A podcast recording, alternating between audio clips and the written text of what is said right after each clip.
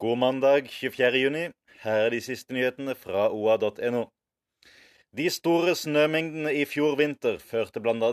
til at lagerhallen til LRN Transport på Raufoss kollapset.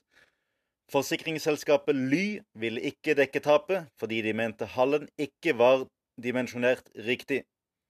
Hedmarken tingrett var ikke enig, og har nå dømt Ly Forsikring til å betale nesten 14 millioner til LRN. Lokale griseprodusenter sier til OA at de ikke kjenner seg igjen i de grusomme bildene som ble vist i NRK-dokumentaren 'Griseindustriens hemmeligheter'. Kristina Hegge i Oppland Bondelag sier til OA at hun kjenner Oppland ganske godt, og at det ikke er noen grunn til å tro at bildene i NRK-dokumentaren er representativt for lokale griseprodusenter. Sykkelrittet Den store styrkeprøven fikk en dramatisk avslutning for Tone Jørgenstuen fra Dokka.